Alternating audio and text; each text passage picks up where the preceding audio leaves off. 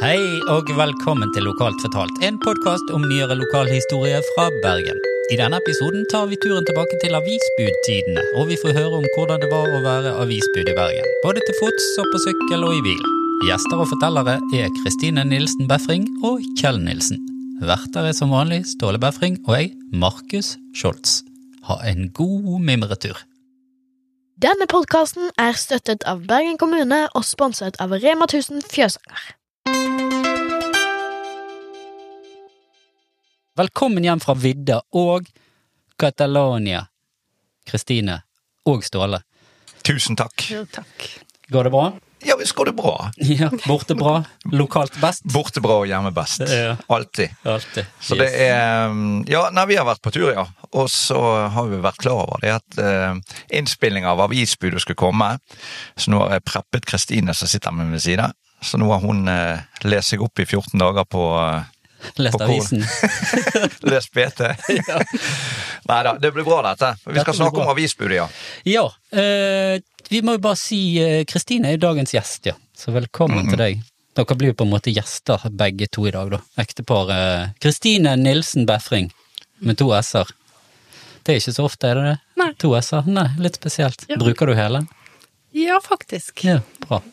Da bruker jeg å hele. Du har jo vært med litt i kulissene en stund, du. For du er jo vår største kritiker, så du har jo hjulpet oss til å bli bedre og bedre gang, gang for gang. Ja, Nei, sånn- bare tuller. Vi Tøy- spør deg til råds. Ja, jeg er jo litt sånn tause Birgitte i bakgrunnen, så Ja. kanskje Du har jo til og med Ja. lagt ut i vannet og Ja. dyttet båten når vi skulle rundt og lage episode ute i Nordåsen og sånn. Så Ja, ja. Det er kanskje hun som har den mest krevende oppgaven i denne podkasten her. Ja.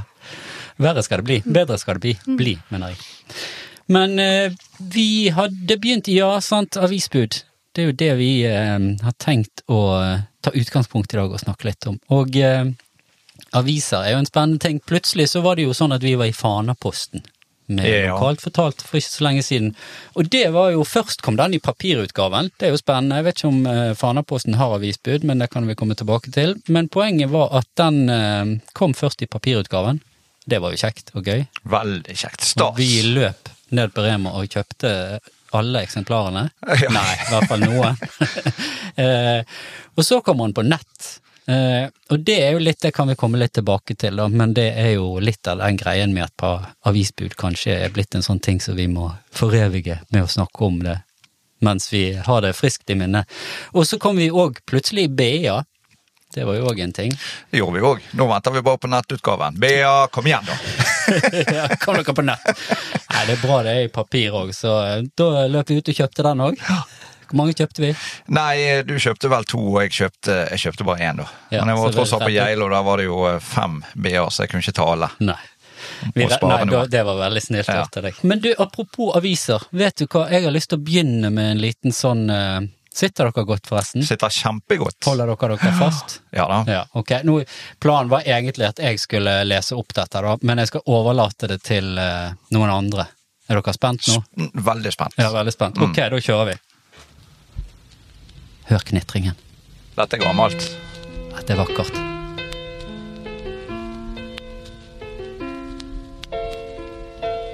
Hør en viss man har fått sko på, og før dagen setter inn, har jeg hørt de travle føtter over husets trappetrinn. Gjennom grålys morgenstillhet, gjennom våkne drømmeslør, har jeg hørt en svake rasling av avisa ved min dør. Vakkert. Vakkert! For meg hørtes det nesten ut som en julesang. ja, altså, kanskje det var eh, det i utgangspunktet, men det er jo rett og slett litt kult at noen faktisk har laget En eh, mann ved navn Arne Påske Aasen har laget et dikt og en sang til avisbudene. Det er ikke dårlig, altså. Nei. All honnør til han. All honnør til han. Eh, kan, han. Han leser det faktisk, jeg fant på Spotify òg at han leser opp disse her diktene. Så det kan alle som er interessert i å gå inn. Og denne, akkurat denne innspillingen her, det var en plate som var utgitt i 1978, og der var faktisk Tom Mathisen fra Primavera med. Fun facts. Eh, Hele denne poden er full av fun facts.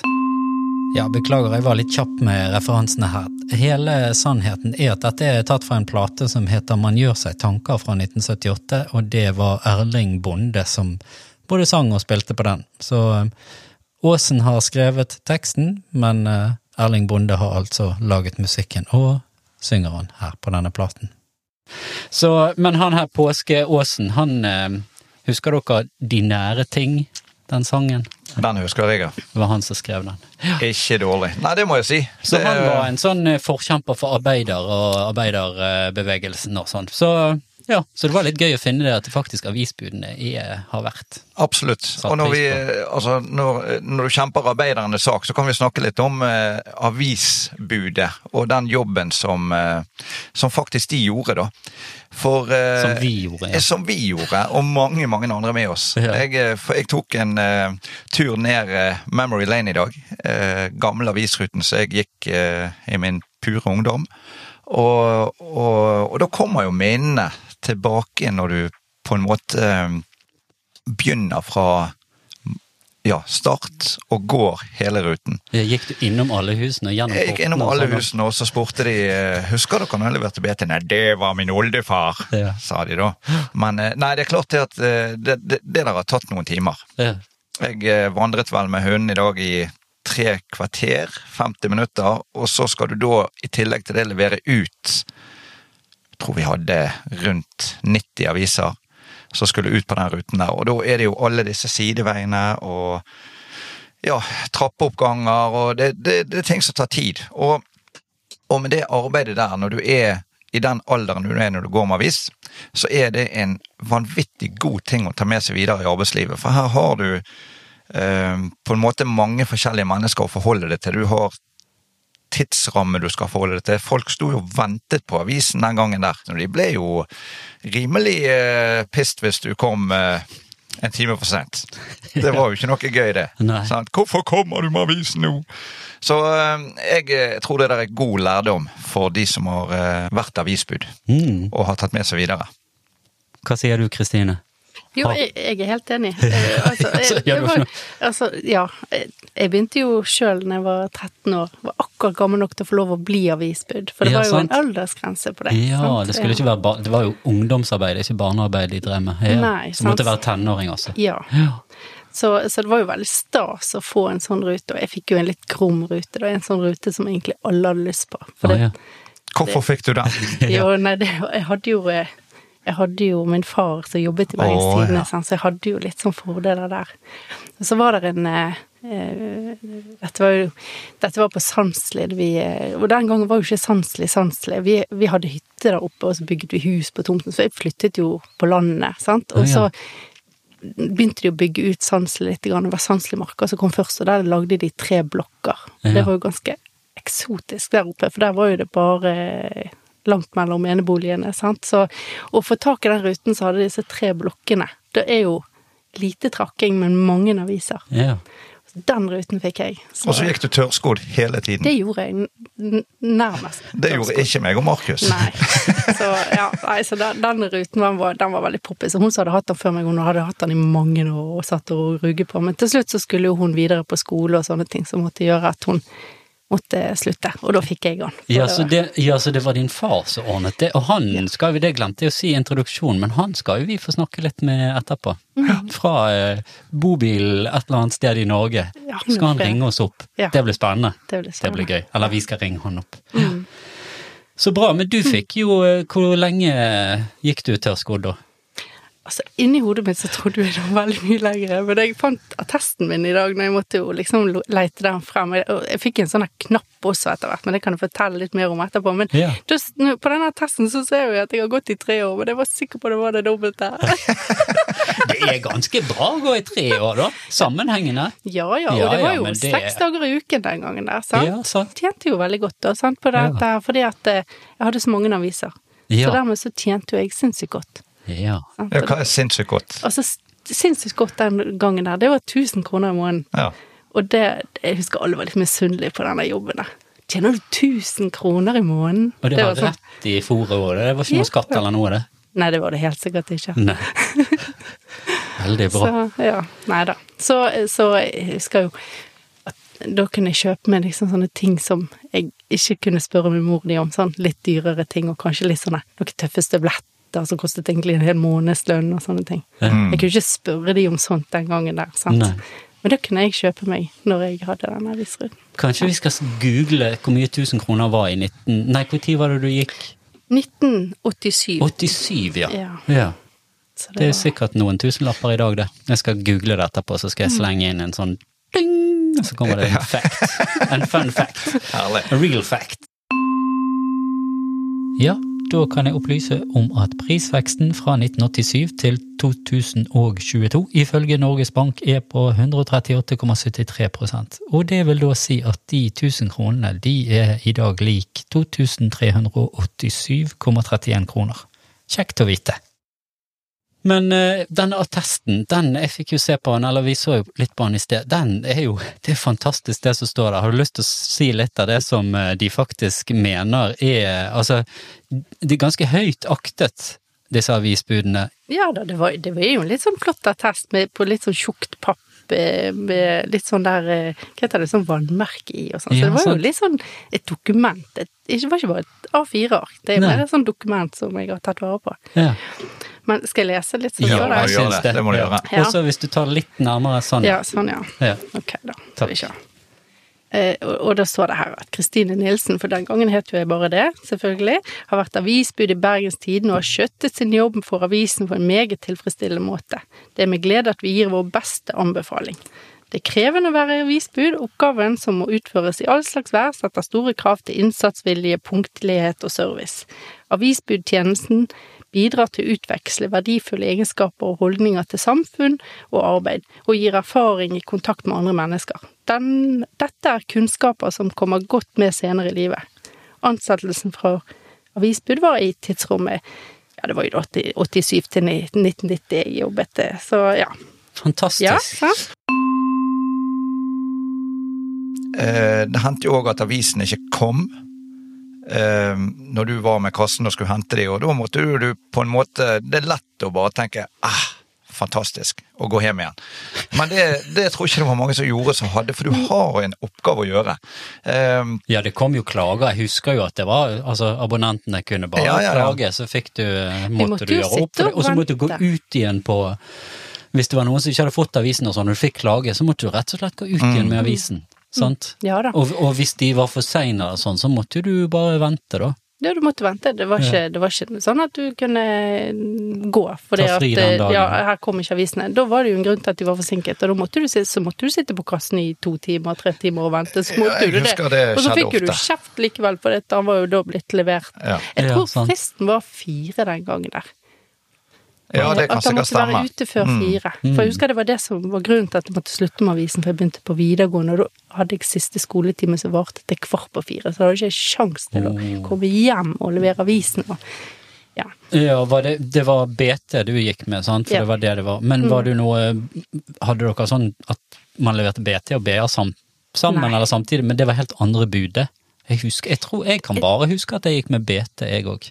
Jeg, Ja. Jeg tror det var Altså, jeg tror det der var, var ikke Denne samkjøringen, den tror jeg kom på 2000-tallet, egentlig. Ja. Eh, at, det var, at de begynte å gjøre litt om på det der. Men den gangen der, på 80-tallet i hvert fall, 90-tallet kanskje òg, sant, Ja. så var det nok helt separat, ja. Ja, for ungene våre gikk jo med, med avisen òg eh, i sin ungdom, kan du si. Og da var det jo både VG, Dagbladet, BT, BA. Da gikk de rundt og solgte det. Da Ja, var det ikke ja. levering. sant? Da gikk de rundt og ringte på husene og skulle selge disse avisene. Ja, og det trodde jeg det var slutt på, men for et par uker siden så kom det noen her på døren med Dagbladet og Jeg tror det var bare Dagbladet. Ok. Ja. Og så, ja, så jeg kjøpte nå en, jeg, og så tenkte jeg meg litt om, og så tenkte jeg jeg kommer ikke til å lese den, så gikk jeg ut igjen og så sa jeg du kan jo egentlig bare selge den videre, og så kan du Men det vil han ikke. Han ville bli kvitt dem. Han ville bli kvitt de, så jeg skjønte ja, ok, det, jeg tenkte jeg var grei. Jeg. Men, Ja, ja. Nei, så det, så det går an, og det der det går an å gå rundt og selge sånn på døren, ja. Ja. Men denne avisbud, sånn som vi hadde med abonnenter og alt det der, det er jo de tidene er jo Ja, de tidene er den forbi. gangen. Ja. Men hva, du gikk rundt Sørskodd og sånn. Du da, Ståle, du sa i dag at du eh, gikk ruten, men syklet du, eller gikk du eh, Vi, eh, vi var to stykker som gikk den Dere ruten to, ja. Meg og en klassekamerat. Og vi gikk eh, vi, Nei, vi syklet. Ja. Vi hentet avisene på Fina på Stortvedt ah, ja. i en kasse der, og så syklet vi nedover fra eh, Fina Stortvedt til Vergeland. Og da begynte ruten i eh, Nyhaugveien, og vi hadde Granveien, Elvebakken, Furuveien, Mølledalveien og Storetveitåsen. Og Storetveitåsen, fun fact, den het Skogveien før, Oh. når vi gikk med avisen. Skogveien, hvor er det nå, da? Skogveien, altså, stor, nei, Skogveien fins ikke lenger. Nei, akkurat. Sånn som Stortveitåsen er jo den som går fra Elvebakken og opp mot Stortvedt kirke. ja. Den het Skogveien tidligere. Mm, Mm. Alt fun du kan. fact. Ja, ja, ja, ja. Lokalkjent. Ja. Herlig. Ja, så du, eh, men da hadde dere sånn, jeg husker jo de der sykkelbagene, sånn vanntett sykkelbag, sant? Ja. Så hadde bak på bagasjebrettet da. Vi tok jo tiden, vi skulle hele tiden gjøre det kjappere og kjappere. Og vi var jo eh, to stykker som delte denne ruten her, sant? for det var vanvittig mange hus, og det var sideveier, og det var oppover, og det var trapper, og det var det ene med det andre, så Men var det sånn at dere gikk han sammen, og så sendte, altså løp dere litt sånn hver for Ja. en som syklet, og så løp inntil, og så byttet Mm. dere på det? Mm. Nå er jeg veldig detaljert Nei, her, ja, ja, men, nei da. men hvordan det fungerte Vi satt fra oss sykkelen, og så tok vi med oss liksom ok, du tar de, og jeg tar de, og så tok vi med oss eh, x antall aviser, og så leverte vi ut det, gikk tilbake til sykkel, syklet videre og gjorde det samme. Og sånn, eh, sånn fordelte vi den ruten her, da. Sånn gikk nå dagene. Ja, sånn gikk nå dagene. Og jeg husker ikke helt hva vi tjente. Du sa 1000 kroner. Eh, Husker du hvor mange aviser du hadde? Ja, det var rundt 90 aviser. Du hadde rundt 90, ja. Så kanskje vi hadde over det antallet jeg nevnte i stedet. For jeg mener vi hadde rundt en fem, ja, 600 kroner hver. Ja. Rundt 600 kroner. Men abonnementene gikk jo opp og ned. sant? Og Ja. i ferietiden så var det jo veldig mye færre abonnenter. Ja, for man fikk penger etter hvor mange aviser Yes. det var, ja. Sånn var det. Mm. Og jeg husker jo av og til så var vi så heldige at det var for mange aviser i kassen. Og da var jo vi eh, kremmere nok til å selge de. Veldig bra. Yeah. så ble det noen ekstra kroner i kassen. Yeah. Men var det sånn eh, Nå erindrer jeg litt Jeg husker jo mer og mer når dere forteller, det er jo litt gøy, men det var jo det at du me memorerte, heter det memorerte, ja, memorerte ruten.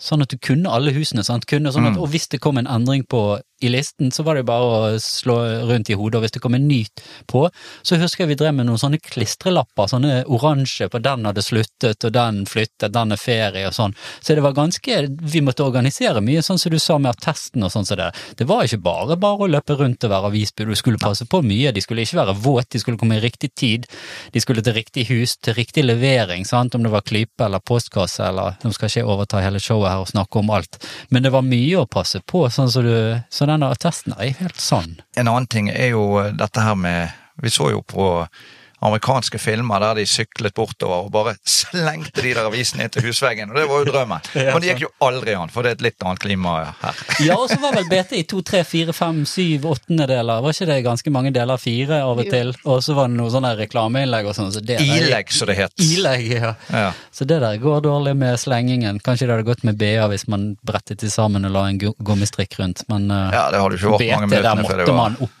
på døren Ja. og legge. Eller i postkasser, eller Ja, og så Eller de hadde egne sånne aviskasser òg. Sånne litt sånn avlange. Det så du brettet avisen og la inn i, ja. Helt riktig. Det var ikke så veldig mange som hadde de, da. Nei. Husker jeg.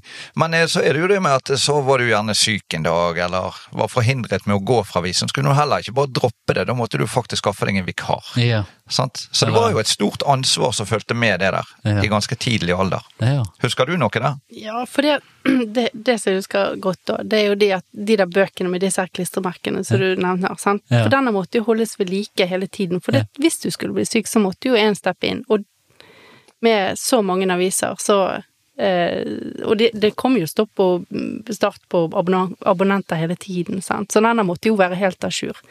Og det der var, husker jeg var veldig viktig, og tok, det tok den ansvaret, det ansvaret der ganske alvorlig, så det var aldri noe tull i den boken min. Nei, altså denne testen der, den er, står eh, s- soleklart som en, en vinner. Jeg har ikke sånn attest. Har du Ståle? Nei, jeg har jo ikke det. Men jeg tror jeg fikk en, men så var sikkert min mor kastet den eller et eller annet. Jeg vet ikke. Neida. Nei, jeg kan ikke huske å ha fått en sånn attest, jeg må innrømme det. Men det var jo veldig gøy, og, og du, sånn, du, du, du la jo på en måte litt din, din sjel, eller ja, jo, gjorde virkelig, sant, mens dere peiste på nedover. Men det var jo gøy, da. Det er jo, jeg har jo gode minner fra det, selv om det var sånn som det sto i den der eh, Jeg vet ikke om du leste opp at det var i regn, og det var i sludd, og det var i all slags vær, og, det, og som du sier, Ståle, at uh, var du syk, så måtte du bare Enten så måtte du bare stå i det og gå rundt, eller skaffe deg en vikar, eller snakke pent med en mor eller en bror, eller hva som helst. Så um, ja, absolutt noe å ta med seg tidlig i livet, livet bare Og så det der med den der faste, at du vet du har det hver dag, skal hente den der og sånn, så det, det gir jo en litt sånn En slags mestringsfølelse i å bare klare det òg, selv om man kanskje ikke tenker på det som 13-åring, da. Ja, du begynte som 13 og sluttet som 16, ja. ja. Men ferie og sånn, da. Tok du deg ferie, Kristine? Eller Ja, men da måtte jo jeg skaffe vikar. Ja, stolte Sant? du på vikaren? Ja, ikke Funket helt. Ikke, Nei, sant? Jeg Gjorde det best sjøl, det er jeg helt sikker på. Ja. Og så sikkert abonnenten òg som sa Når kommer hun Kristine tilbake? Det var nå ikke så særlig når du gikk rundt her. Nei, de sa kanskje ikke det akkurat til eh. Men litt sånn med, sånn med abonnenter som er Kan jo være alt mulig. Som alltid folk kan være alt mulig. Men eh, fikk du noe Altså fikk du noe i forhold til det? Var det noen du fikk et godt Altså som var veldig sånn satt pris på, gjerne rundt jul og til sommeren og sånn, ga litt sånn ekstra enten i en konvolutt eller Mm, Hadde du ja. noen sånne opplevelser? Ja, jeg hadde jo det, og det var jo litt sånn, det var litt sånn spennende. Og så, dette var jo eh, Jeg hadde jo veldig mange dører, og de var etter hverandre. Sant? Det var tre blokker, og så var det åtte dører per etasje. Sant? Og så, altså, det var mange dører. Jeg hadde mange teorier om de som bodde der inne, husker jeg. Ja, sant, lager historier ja, om jeg lagde historier. Ja. Sant? Og, så, og noen de var jo kjempehyggelige, og hang det gjerne kanskje en julegave i juletiden sant? på døren, eller en konvolutt med en 50-lapp, eller sånn. Det var jo selvfølgelig veldig stas. Og så har du de som var det fem minutter Så gjorde det motsatte, så la ut en faktura eller ja, noe sånn, sånt. ja, så kunne jeg klikke hvis du var to minutter senere, Og jeg Ja, var sant. jo aldri sein. sant? Jeg var så veldig pliktoppfyllende. Det har alltid vært sånn at eh, de, de gangene jeg fikk kjeft, så var det vel kanskje ikke akkurat fortjent, vil jeg si. sant? Så det, men da, neste gang, så slengte jeg kanskje den avisen litt eh, Hardt. Ja, sånn at Ja, eller tegnet på ansiktet Ja, sånn- utenpå og sånn. Sånn delene gikk liksom fra hverandre. Ja, det var såpass rampete at da var lå litt Da var sånn. litt rampete. Ja, ja. så. Og, så, og så var det jo sånn, eh, sånn som jeg nevnte, egentlig, at du liksom skaper litt sånn historie, og eh, hun, eh, den, den, den ene abonnenten vår, så syns jeg alltid at hun ene damen, hun virker så, hun virker så overlegen, og tenkte det at hun der er sikkert ikke noe hyggelig. Men det viste seg da senere å være kusinen til Ståle, som jeg kjenner veldig godt nå. Sånn. Dette har ikke du sagt til meg før. Det er sånn det skal være lokalt, lokalt fortalt. Ja. Så, så liksom eh, noen år senere så traff jeg henne i en helt annen opplevelse, og hun var jo egentlig veldig hyggelig. Sånn. Men det, det, da hadde jeg skapt min lille historie, at hun var sikkert ikke noe grei. Har du snakket med henne om dette? Jeg har aldri nevnt det for oi. Så eh, hører hun på podkasten? Ja, det kan Ja, det tror jeg hun gjør. Ja. Hun må, i hun hvert må i fall- hvert fall gjøre det nå, for nå skal vi tagge henne. Jeg vet i hvert fall at søsteren til den Ja, så- kusinen hører på. Så det ryktet kommer til å spre seg. kommer til å spre seg. Ja, det er veldig bra. Har dere noe eh, minner om, om disse her som leverte ut avisene? Sånn, var det det din far gjorde? Kjørte ut til avisbudene? Ja, vi kan jo snakke mer om det etterpå. Ja, ja da, men det blant annet, da. Sant? Ja. Det, det, han, han var jo bud som ja, leverte til ja, både bud og butikker og oh, ja, overalt. ok. Ja, ja. Alle steder der avisene skulle Ja. videre. ja.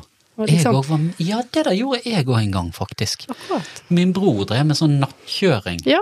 Ja. Hmm. Min far òg jobbet i BT, men han jobbet i, oppi eh, sånn, ja, annonsesalg. Men det kan vi eh, snakke mer om eh, når vi skal snakke med din far med dette med BT. Det å jobbe i BT. Men, men det som jeg òg husker, det var hvis for eksempel de som du eh, eh, delte kasse med, for eksempel hadde en vikar, Ja. så tok de kanskje feil bunke med. Ja, fordi det at var det det var riktig antall. Sånn, så måtte, jeg husker det der å måtte telle telle. gjennom. Ja. Den Ja. følelsen av å telle gjennom de tellekantene på Ja, ja, ja. avisene. Og hvis de da har tatt for eksempel en feil, Mm. så sitter du igjen med den andre, sant? Ja. Eller den som de skulle hatt med, sant? Og dermed så blir antallet da feil. Og så Mm. står du gjerne kanskje med fem aviser for lite. Ja. Og da har du da fem sinte abonnenter, sant? Og så er ikke Ja, hva du gjør du i et sånt tilfelle, da? Nei, jeg husker ikke helt hvordan jeg, på, tror jeg, jeg tror jeg ringte til pappa. Kristine gikk på butikken, ja, og så kjøpte hun aviser inn det antallet hun skulle ha, og så leverte hun ut, og så hva, sa det- hun ikke noe mer om Det det. forundrer meg ikke om hun har gjort. Nei, sant, det er nettopp det. Men uh, tre år gikk du, sa du. Hmm. Og uh, jeg har lest litt, skjønner du. Fordi at det står litt eh, Hvem hadde trodd at vi skulle sitte her som noen X-åringer, nå skal jeg ikke si hvor gammel vi er, eh, og være nostalgisk på å gå med avisen, det er kjempegøy. Og da har jeg gjort litt research her på godt norsk, og der står det i en artikkel i BT fra 2018. De gikk med avisen, heter den. Altså ingressen er de fikk bronsemerker, sølvmerker, gullmerker og plaketter. De mest trofaste fikk gullmerke og diplom også. Og fotballtur til London, der skulle du vært, Ståle. Der skulle jeg vært. Men var du det? Nei. Nei. Var ikke lenge nok. ikke så lenge. Var ikke flink nok. Jo, flink nok var jeg. Jo, det flink men jeg nok, var ikke men lenge du var nok. ikke utholdende nok. Nei. Beklager, det var feil ordbruk. Og på det meste hadde Bergens Tidende 1350 avisbud. Det er mye, altså. Det er mye. Og så hadde de, nå leser jeg litt så opp litt sånn uh, ting Mm. som jeg fant, men jeg kan komme inn på det, for du fikk jo òg sånn merke, sa du, sant? Mm. Uh, de hadde avisbudenes dag to ganger i året. Var det budfest? Var, dere på noe, var du på noe sånn? Ja det var det, ja. Ja. Herlighet, Ja, ja. altså. Og en familie på Landås gikk med avisen i 21 år. Da hadde Det jo gått i uh, arv, da. Litt sånn. Du Ja. verden.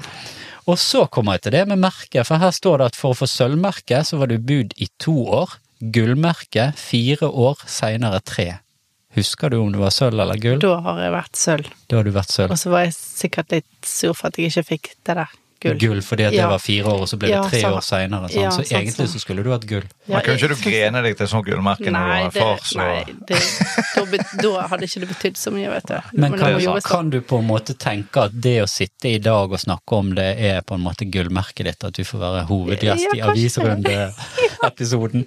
Kanskje det. Selve. Kanskje det. Det er jo ikke så, det er ikke så mange andre som får. Ja, Nei, det er sant. ingen andre som får. Vi tar ikke denne flere ganger. Jeg, jeg prøvde faktisk å finne det merket, for jeg har det et sted hjemme, altså. Ja. Så jeg leitet etter det, Mm. Eh, men jeg fant ikke det. Ok, da ringer vi pappa. Ja.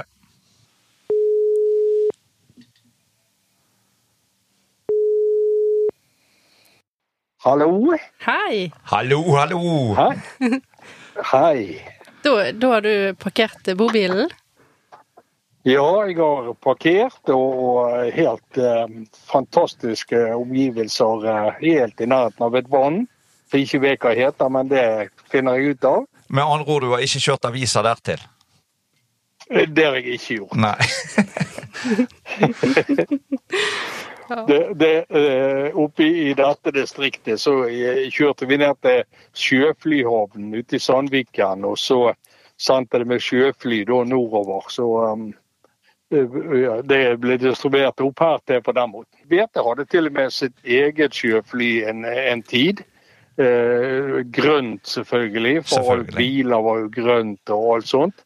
Men, eh, men eh, senere leide de da sånne Sassen og sjøfly, så kjørte vi da ut på i Sandviken og ut i den små sjøflyhavnen som var der. og, og leverte og fylte det der flyet til randen, og så tok det av og fløy nordover. Herlighet.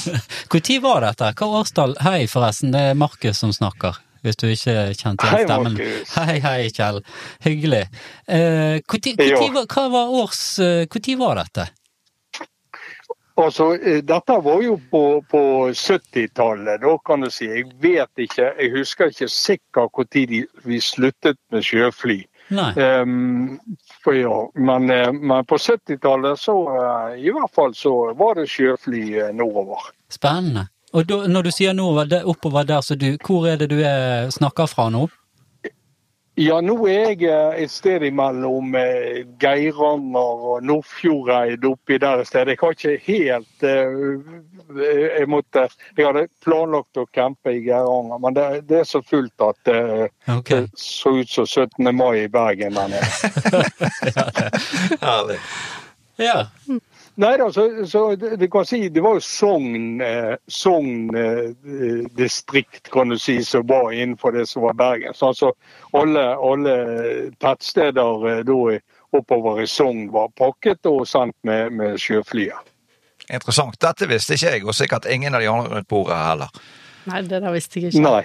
Men eh, kan ikke du fortelle, pappa, for det, vi har jo snakket litt om, eh, om Eller jeg har fortalt litt om, om dette med å gå med avisen og sånn, sant. Og det var jo den eh, eh, avisen levert i kassen, sant. Men, men, men kan ikke du fortelle Ja. litt om eh, dette når du, når du ble sjåfør på BT, og hvor tid det var, og hvordan, hvordan eh, Jo, det, den prosessen var? ja, det kan jeg fortelle. Det, det, det er litt grann artig historie, faktisk. For det, eh, jeg, jeg begynte jo i Bergens Tidende som 16-åring. Direkte fra ungdomsskole. Mhm. Eh, det var supervanskelig å få jobb der, for det, eh, alle, det, var, det var en familiebedrift, og, og eh, alle var veldig sånn sammensveiset. Så det, for å klare å få en jobb der, så måtte du kjenne noen, være i familie med noen, eller ha en eller annen tilknytning. Ja. Og jeg var så griseheldig at jeg på arbeidskontoret da, og, og sa det at eh, jeg, jeg må ha en jobb. Og så fortalte han på arbeidskontoret at han hadde en kamerat som var personalsjef på Bengs Tidende, og de hadde bruk for en um, kjekk ungdom. Og det var jeg på den tiden. Du var en kjekk ungdom. Ok. På den tiden, ja. Bra. Så, så han fulgte meg eh, bort på, på, på BT, og vi var i møte oppe. Jeg eh, og en personalsjefen han likte meg tydeligvis, så han eh, tok meg med ned til distribusjonsavdelingen. Og, og presenterte meg for sjefen der, som het Kjell Børresen. Han var pappaen, kan du si, i distribusjonsavdelingen. Og så lite prat med han, så var jeg klar til jobb.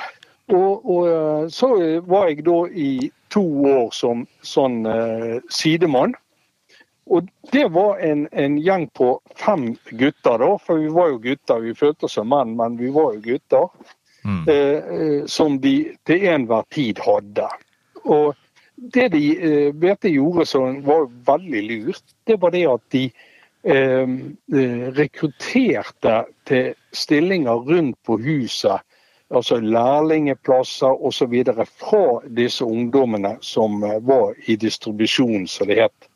eh, Den avdelingen som, som hadde sjåførene og alle de tingene. Pakkene og så, så eh, dermed kunne de sile ut folk som ikke giddet å jobbe, og de som var gode, de eh, og så så de på evner, og så fikk de tilbud om lærlingeplass på trykkeri, eller som typograf, eller andre jobber da rundt på huset. Men jeg, jeg skjønte jo tidlig at dette, dette yrket, det, det ga meg utfordringer, det var gøy, det var spennende, nye ting hver dag. Eh, Så jeg meg for jeg vil bli sjåfør.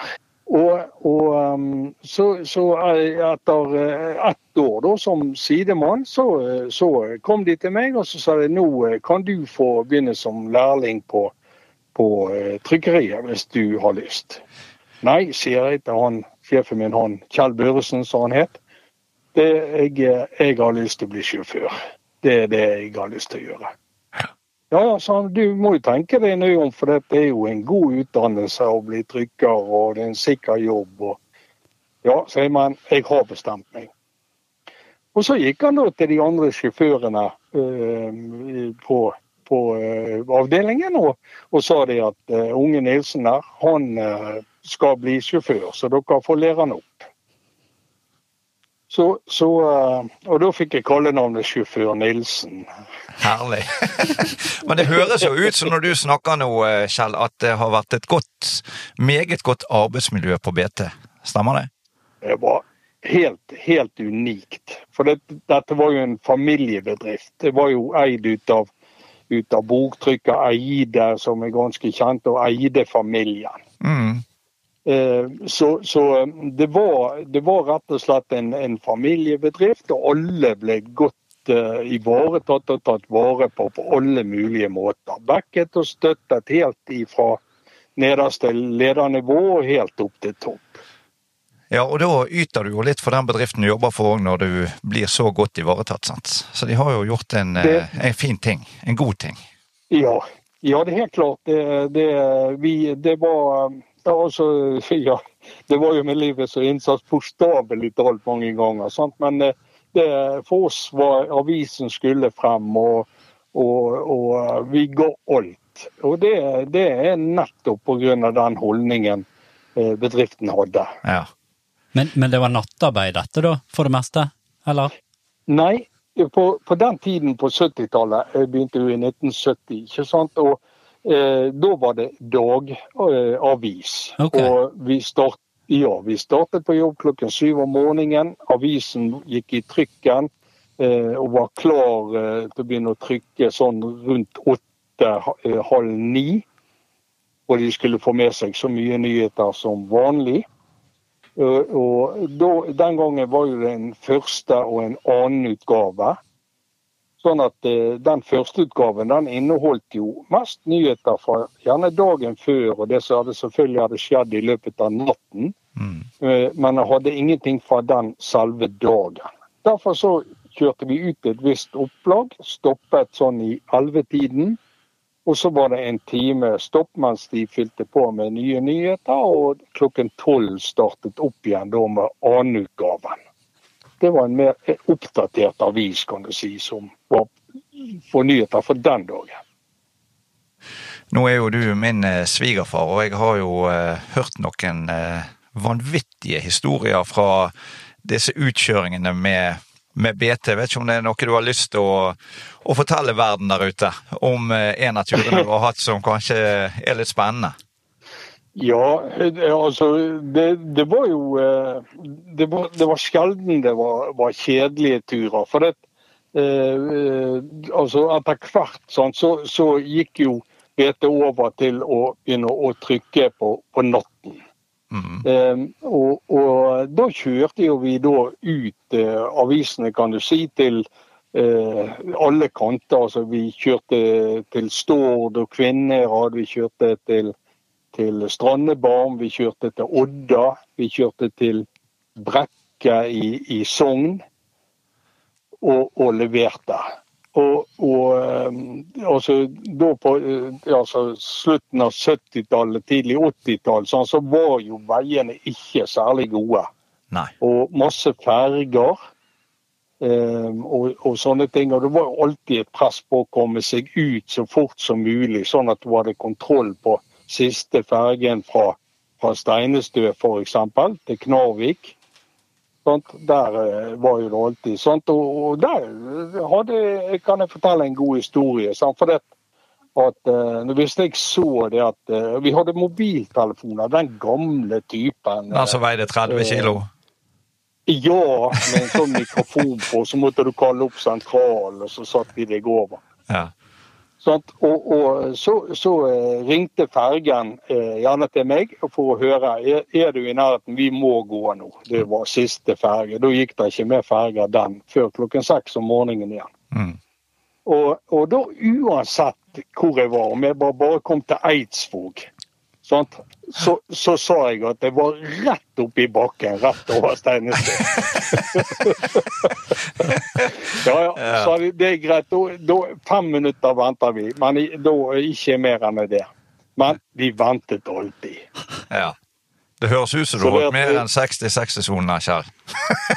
Eh, det kan man si. Sant? Og det var jo BT-bilen var jo liksom kjent for det på hele Vestlandet. Det, Så bare en sånn grønn spytnik gjennom eh, terrenget. ja. Ja, for de var grønne, Ja, sant? Med sånne gule bokstaver. de- Ja, de var grønne i den tiden. De hadde ingen reklame på, de hadde bare et lite sånn det gamle liksom B-en og T-en Ja, eh, fremme, men de hadde ingen reklame. Det kom først seinere. ja. Klokt. Ja. Men, og, og eh, Nei, og det var en stor eh, historie til. Sant? Når jeg kom på, på andre siden på Knarvik, så kjørte jeg opp til Sævråsvåg. Og så skulle vi ta fergen derifra til, da, til eh, Duesund. Eller ja, Duesund. Og, og da kjørte jeg forbi en eh, tysk bil. Og så kom jeg ned på, på kaien på Sabrosvåg, så kom han bort til meg og så sier han, du, hva motor har du i denne bilen? Nei, sier jeg, jeg bløffet litt, så sier jeg, vi, vi har Porsche-motor, vi i alle bilene. Ja. Har dere det sånn? Ja, for det var kan Volkswagen-bil, sant? Ja, Ja, det sånn var en Volkswagen Ja. Transporter pickup hadde vi den gangen. ja. Sånn, med, det var tak bak, men det var presenning på siden og bak, da kan du si. Ok. Ja, og, og så sier jeg til han nei, du kan ikke få se, for det, vet du hva, det der er en sånn uh, hemmelighet. en avtale vi har med Volkswagen-fabrikken, så det, du kan ikke få se mot Herlig. Han tenker sikkert på det den døde i. Ja. Vi skal ringe til han etterpå, vi. Ja. Jeg husker så godt, pappa, når du stuet bilen. Av og til var jeg med på de der Ja. turene. Og Gjerne om natten, for jeg Ja. sov jo ikke når jeg var barn, så det var jo greit å være med på nattarbeid med deg. Men da Ja. Men jeg husker når du pakket, eh, pakket bilen, så var jo disse her helt varme, disse pakkene. Så, så husker jeg, Ja da lå jeg oppå disse pakkene. Det var, det var Ja, de kom ut av sånn varmeovn fordi de hadde krympet plasten. Ja, så de kom jo rett ifra produksjonen, Ja, sant? ja. fra, disse, altså fra selve disse maskinene som trykker og den her plasten. Så altså, disse pakkene var kjempevarme. Mm. Og så stablet jo han hele bilen full i disse. Så lå jeg alltid oppå disse pakkene, og det var så godt og varmt. Det var ikke sikkerhetsbelte i bilen den gangen. Det, det, Nei, det, var, det var lite av det. Ja, det var kanskje det. Så, ja. Nei, men jeg husker, jeg husker Nei, så- ofte når du var ute enkelte netter når du eh, Når været var helt forferdelig, så husker jeg mamma var kjempenervøs hjemme. Det husker jeg veldig godt. At hun, hun gikk og Ja. travet rundt hjemme og fant ikke roen for dette. Ja, det, det er sånn som du nevnte med disse her farlige vestlandsveiene og, og Ja, det- det var tøft. Jeg husker Det- det godt, altså. det det var- var engstelig. Jo. Ja da, nei, det var, det var tøft. og jeg har, eh, jeg har gått og rullet på svære isklumper for å komme videre. Jeg har, har eh, vært egen brøytebil over, over eh, eh, ja, opp fra Myrtdal over Hva heter det fjellet? Vikafjell. Eh, Vikafjellet. Vikafjellet. Mm. Sånn Det var sånn to meter frem og Nei, ja, én meter frem og to meter tilbake, ny fart. Og så var jeg brøytebil hele veien til jeg eh, kom med. Så, så det, var, det var spennende, det var nervepirrende. Um, det, var, det var tøft, altså. Det, og det var jo selvfølgelig enda Eller mer ras og sånne ting den gangen på de dårlige veiene Mm. eh, enn det var i dag. Sånn at vi kom jo der på en tid på natten hvor det var null trafikk. Ja. Ja, nei, jeg kan Så- godt så eh, det forestille meg det at det har vært, eh, det har vært tøft, altså. Ja. Så, så det at det, det, det, var, var flere av sjåførene, også meg sjøl i en periode, så slet litt med, med um, ja, ikke akkurat nerveproblemer, jeg vil ikke karakterisere det som det, men det var såpass tøft at eh, du, var, du var i en tilstand hvor du hadde nervene eller ja, spenningen på topp, altså. Ja. Ja, nei, det kan jeg godt forstå. Det tilbake igjen til det du sier eh, før, da, at, eh, eller litt tidligere, at eh, dere ga det lille ekstra fordi at eh, denne BT-familien var så fair og, og god mot dere, da. Sant? Ja, det, det er det bare ingen tvil om i det hele tatt. Og, og eh, det var jo sånn at eh, eh, altså, det- Jeg orket nesten ikke å være på tre ukers ferie fordi jeg savnet eh, å komme tilbake på jobb. Det er ikke verst, altså. Her må det- du få en diplom og bete, Kjelli, etter denne podkasten er ferdig. Nei, men jeg, jeg tror alle, alle følte det sånn. Og så husker Sånn, så jeg, det eh, jeg husker ikke så godt disse her juletrefestene. Og hvis du har hatt en far i eh, BT også, Markus, så husker du Da var vi sikkert på juletre her sammen, vi. Mm, Ja, men han var litt Han, han var i BA først, Ja, og så var han i BT, så jeg var litt for gammel for Men jeg var på Ok. juletrefester med BA, så Ja, okay. ja. Så Ja. jeg husker det minnet fra barn, barndommen at jeg, jeg tror Ja, det var vanlig da å lage sånn for hele familien, sånn som du er inne på med BT-familien, og de forskjellige bedriftene hadde litt sånn for hele familien. Så det er veldig kjekt. Ja da. Ja, Nei, eh, på gøy. Bergenstine var, var jo der laget til en egen festsal i åttende etasje på huset. Ja. Eh, en skikkelig flott festsal. Og der eh, holdt de da arrangementer, sant? blant annet for budene. Um, sant? Når det var jubileum til de budene som eh, hadde gått så og så lang, hvor lang og tro tjeneste. Uh, og så videre om sånn utdeling ut av uh, medaljer og litt sånt. Og, og selvfølgelig kaker og brus og hva det nå måtte være. Mm, ja, jeg husker. Jeg fikk det, jo, fikk jo det der sølvmerket. Ja, jo på en, ja, sant. ja.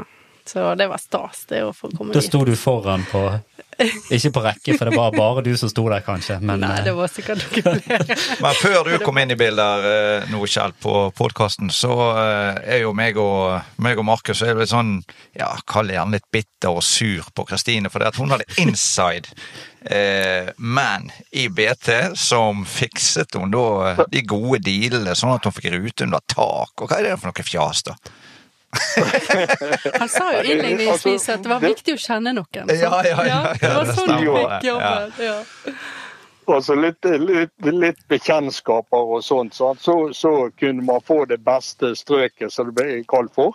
Ja. Og, og, eh, og eh, når hun da ympet til meg at, eh, at eh, de eh, blokkene og de som var, kom til ganske nytt oppe på Sandsli, det ville være en fin måte, så, så lå nå jeg inn et godt ord det. og, og eh, så eh, når eh, hun som hadde det, sånn som jeg forsto, eh, ga seg, da, så fikk eh, Kristian, eh, Kristine eh, den eh, det strøket. Kristian, ok, den skal vi skrive ned og bruke resten. Det bra. Ja.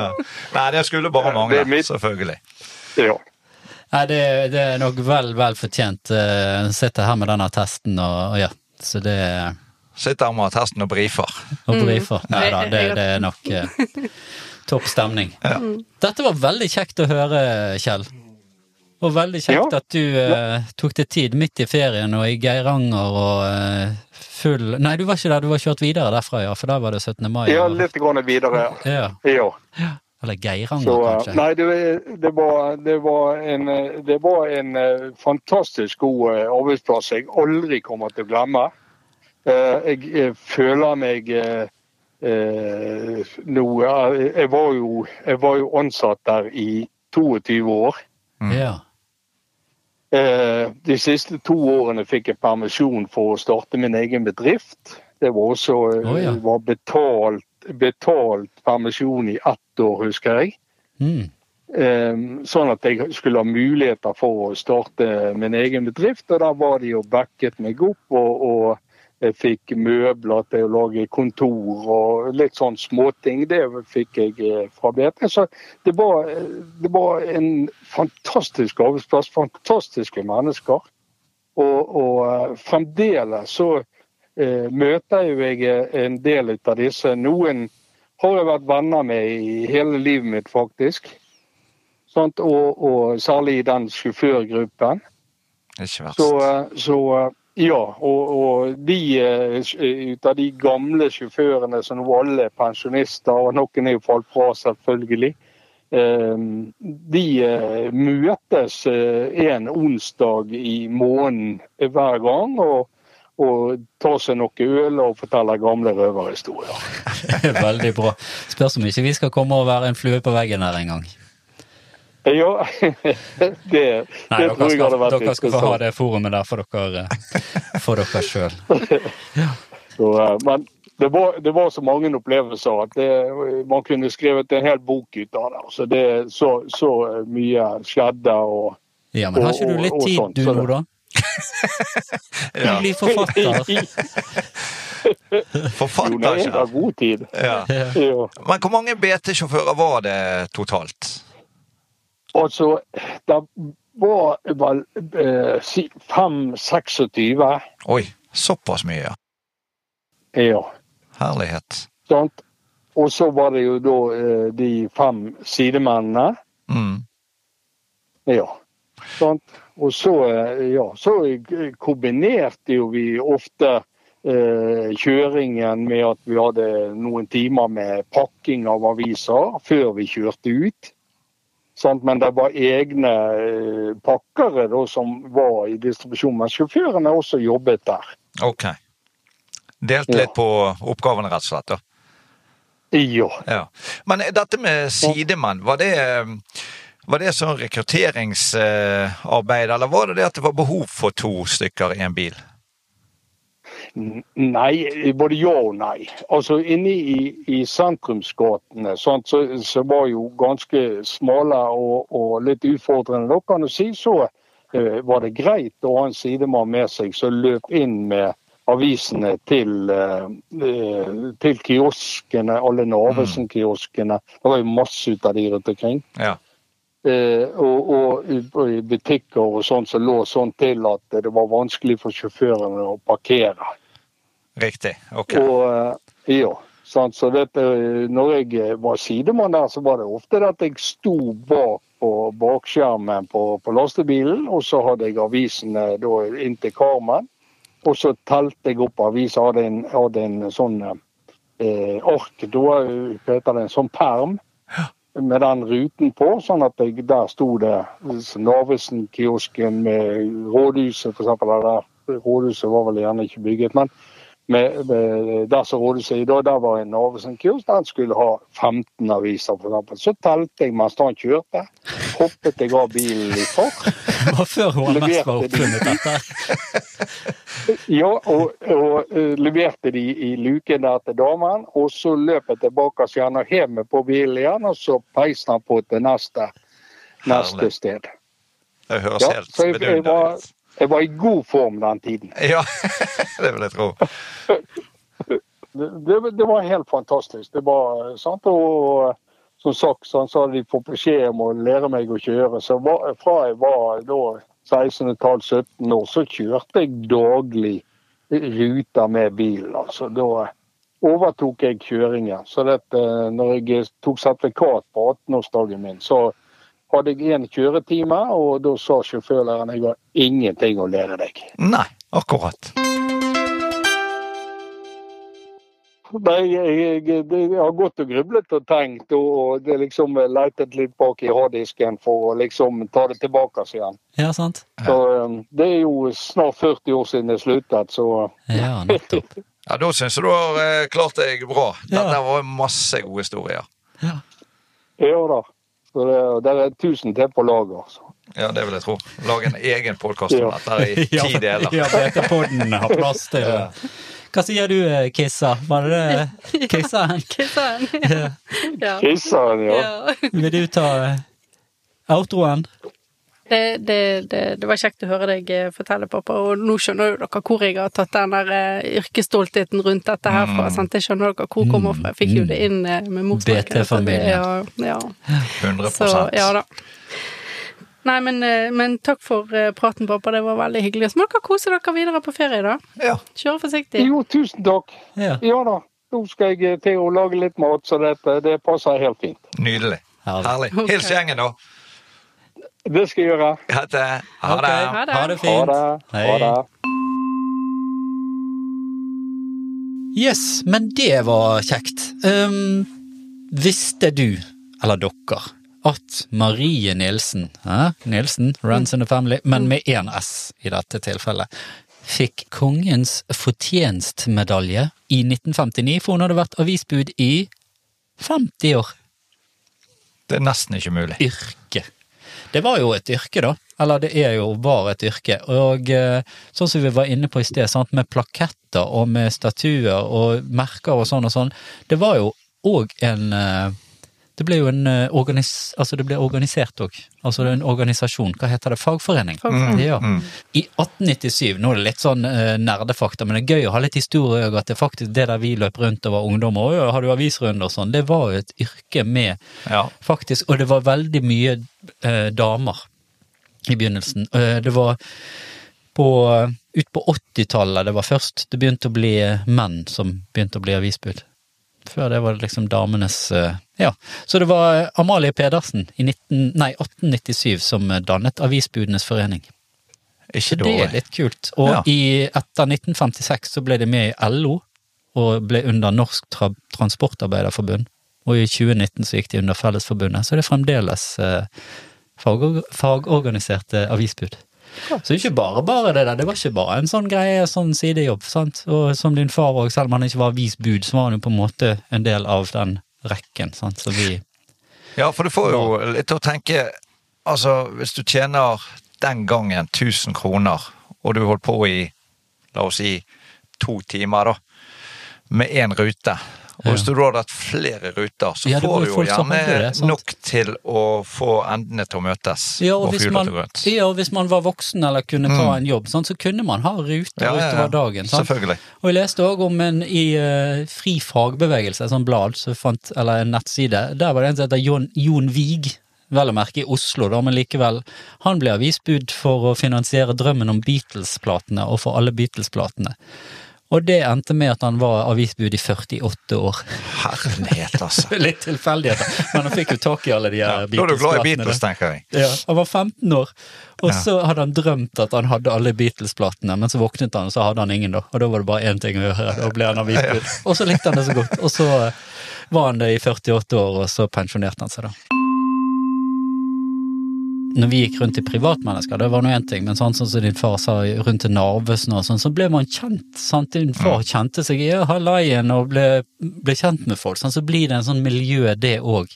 Og jeg husker jo når jeg kjørte rundt, min bror jobbet med det der en stund, det var sånn nattkjøring, det var ikke BT og sånn, det var litt andre Annonsavisen og noen sånne andre ute i ja, litt rundt om i byen, og da var det sånn innom sånn Martens og forskjellige sånne der som skulle ha aviser til sikkert til sine ansatte sånn, og da fikk vi gjerne boller og sånn, satt helt fersk fra ovnene og, og rundt om, så ja, så det ble et eget sånn der miljø, sant, Ja, ja. nattarbeidere, så det var jo sikkert, eh, ja, mye koselig utover det, sant, din far sa det med BT-familien og sånn òg, men det er jo et eller annet med, og du som er ute og jobber blant folk og sant, og er, ja, Jeg husker, jeg, husker, jeg husker faktisk, når du nevner det der, så kom jeg på en, eh, at uh, han møtte jo ofte brødbilen. mm, Eller, sant, eh, på fergekaien kanskje. Så Ja. byttet, byttet de, så da fikk han en avis, og så Ja. fikk min far Så kom han alltid hjem da gjerne med ferskt brød og kanskje noen boller. Ja, Sant? sant. Om Ja, ja, ja. morgenen, for han var jo ferdig på jobb når vi sto opp. ja. Sant? Ja, så får du rykende Ja. ferskt brød til folk. Å, det er deilig. Ja, ja, ja. Det det- der er jo litt, det der er litt av den sjarmen med Jeg vet ikke om vi kan liksom snakke om å gamle dager hele tiden, men det er jo noe med det. Det er lite av det der i dag, tror jeg. Skjer ikke i dag. litt sånn Ja, å ja, få deg et brød Mm. mot en avis og sånn. Ja, i, dag er, det- I dag er en sånn ting skattepliktig. Ja, sant, og du må være forsiktig. Du må ikke liksom, Det kan være Ja. litt sånn korrupsjonsaktig, eh, Ja. kanskje ikke det å dra det langt, da, men ja, nei, det er Og den der, den der greien der med å lage en sånn Litt sånn der eh, miljø du treffer folk igjen og er på en runde og sånn Så det. Ja, og så det bytte tror jeg mange og- hadde veldig, sånn som han sa, sant, at selv i dag, selv om det var innad i, i jobben og folk de hadde, var kollegaer og sånn, men at de møtes en gang i måneden og holder den der eh, sant, I dag jo, eh, bytter jo folk gjerne jobb, maks syv år skal du liksom stå i en jobb, og så må du ut. Mm. Mens din far var der i 22. 22 år, ja. 40 år siden 22 Ja. år. Ja. Stilig. Dette ble en mye lengre episode enn jeg eh, fryktet. For jeg, sier fryktet fordi jeg tenkte ok, avisbud i utgangspunktet, Ja. så snakket jo vi litt, litt om dette Ståle, liksom. Ja, hva ok, skal vi snakke om og sånn og sånn. Men så viser det seg, når du graver litt i ting, så er det masse. Og dette er jo noe som veldig mange har vært med å oppleve òg, og, og vært med på sant, sjøl. Mm. Om du har vært avisbud eller kjørt rundt eller fått avisen av et avisbud, så har du på en måte et eller annet eh, forhold til det. Men de har jo en tendens til å bli litt lenger enn det vi tenker på forhånd. Mange ut av episodene vi lager, sant? Og det er fantastisk gøy. Jeg kunne sagt mye mer, for jeg har klippet mye mer ut her, men jeg tror ikke jeg skal mase så mye om det. Men jeg kan bare si at det var en stillingsutlysning i 2012 da, fra mediehuset Bergens Tidende, og der søkte de etter eh, avisbud, som i dag kalles distributør, da, og så er det jo med avis, nei, med, med bil. Litt sånn som din far eh, kjørte. Og eh, sånn som jeg eh, forstår det, så finnes det jo avisbud òg som leverer til privatpersoner, men da er det sånn postkasse, sant, eller så går det med posten eller sånne ting. Ja.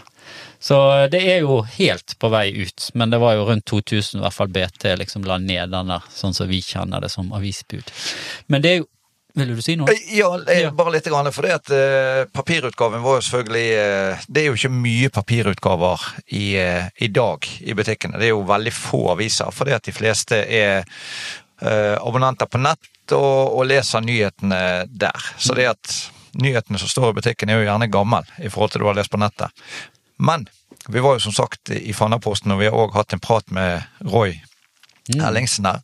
Og han sier jo det at eh, de selger jo mye mer papirutgaver enn det de eh, på en måte har sett for seg. Mm. Sant? Eh, Så de eh, er litt overrasket over det. Men det er jo selvfølgelig kjempepositivt. Ja, og det er jo fint, sant, så står jo litt sånn, avisene litt sånn lagelig til, da. Mm. De, sant, på Rema for eksempel, der som jeg kjøpte, så står de ved siden av, du har BT og BE og VG og sånn, så står jo Fanaposten der òg. Ja.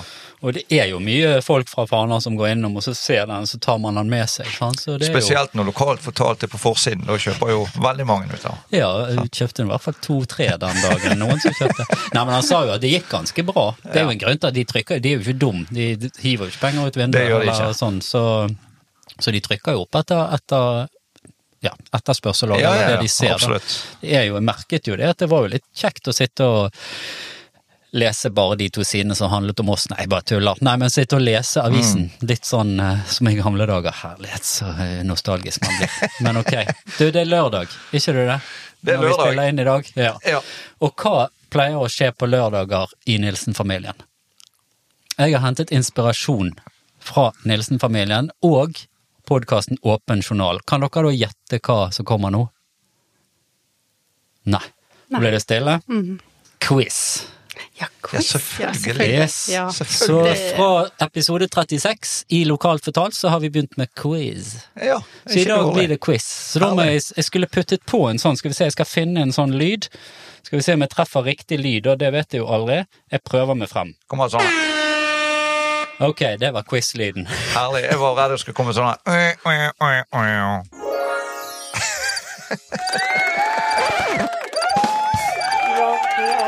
Der var han. Jeg traff på siste.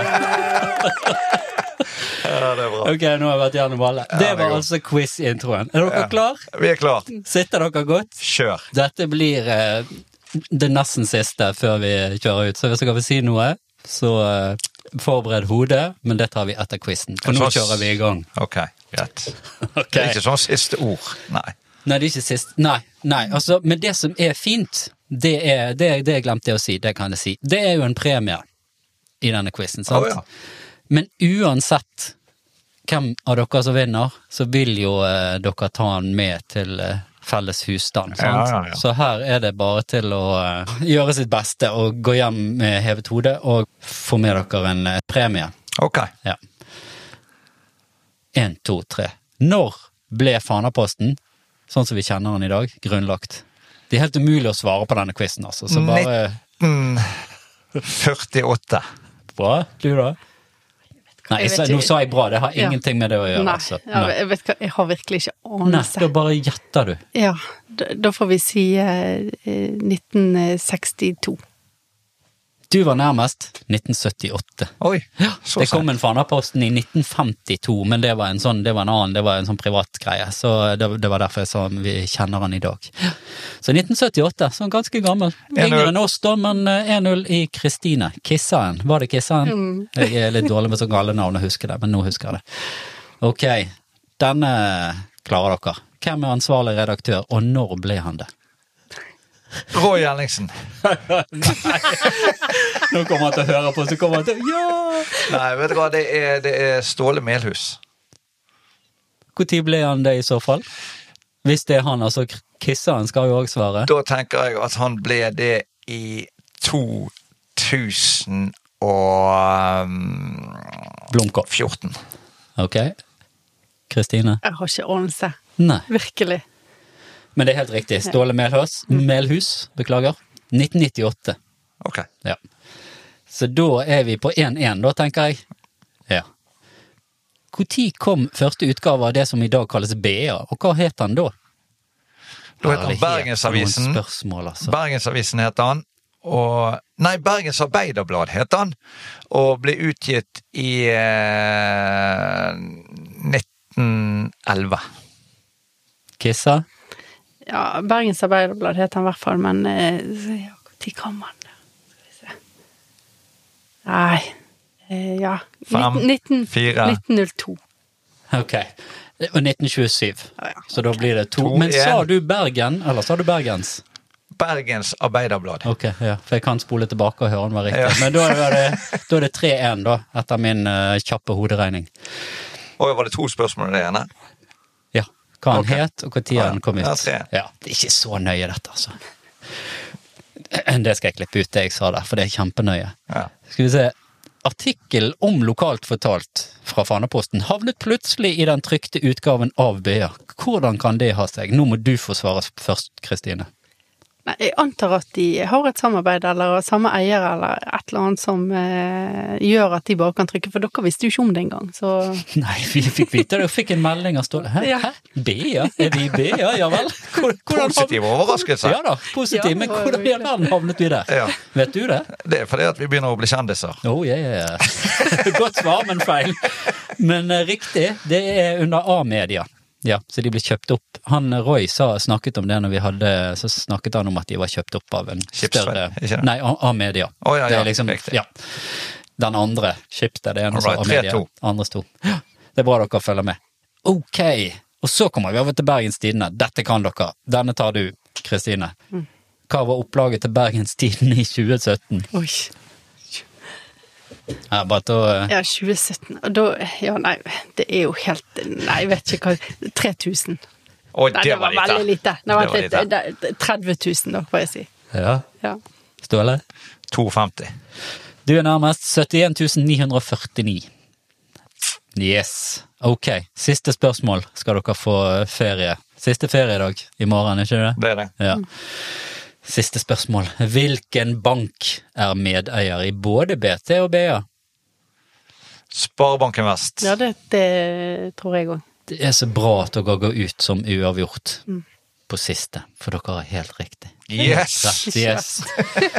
Familien Nilsen Befring, Ja. dere har vunnet. Og hva har dere vunnet? Ja, hva har vi vunnet? En lokalt fortalt kopp.